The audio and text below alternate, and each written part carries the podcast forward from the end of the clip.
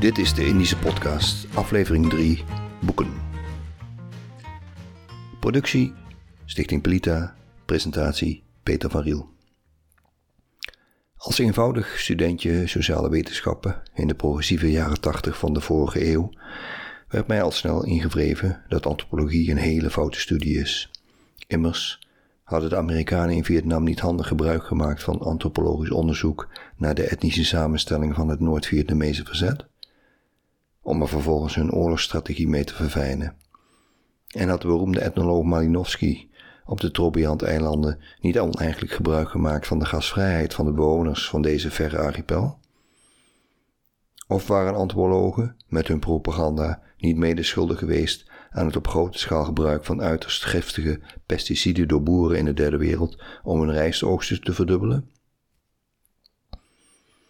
Dit alles schoot mij te binnen tijdens het lezen van de indrukwekkende biografie van Christian Snoek Hoegonje, 1857-1936.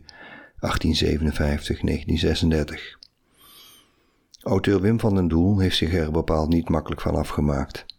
Het is dan ook geen sinecure om leven en werk van deze Leidse antropoloog te doorgronden.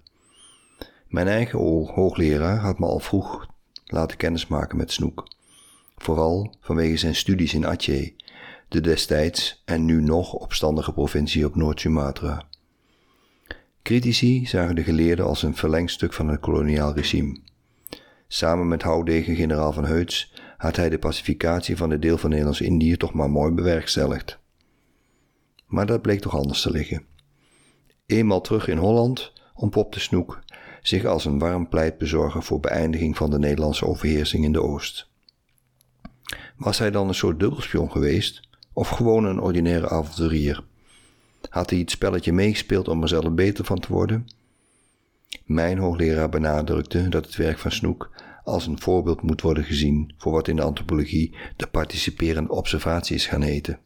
De methode waarbij de onderzoeker zich helemaal onderdompelt in de samenleving, als het ware meedoet met het dagelijks leven en zo een beeld krijgt van de rollen en de machtsverhoudingen binnen een gemeenschap. Snoek ging er heel ver in. Hij wilde de islamitische wereld van binnenuit leren kennen.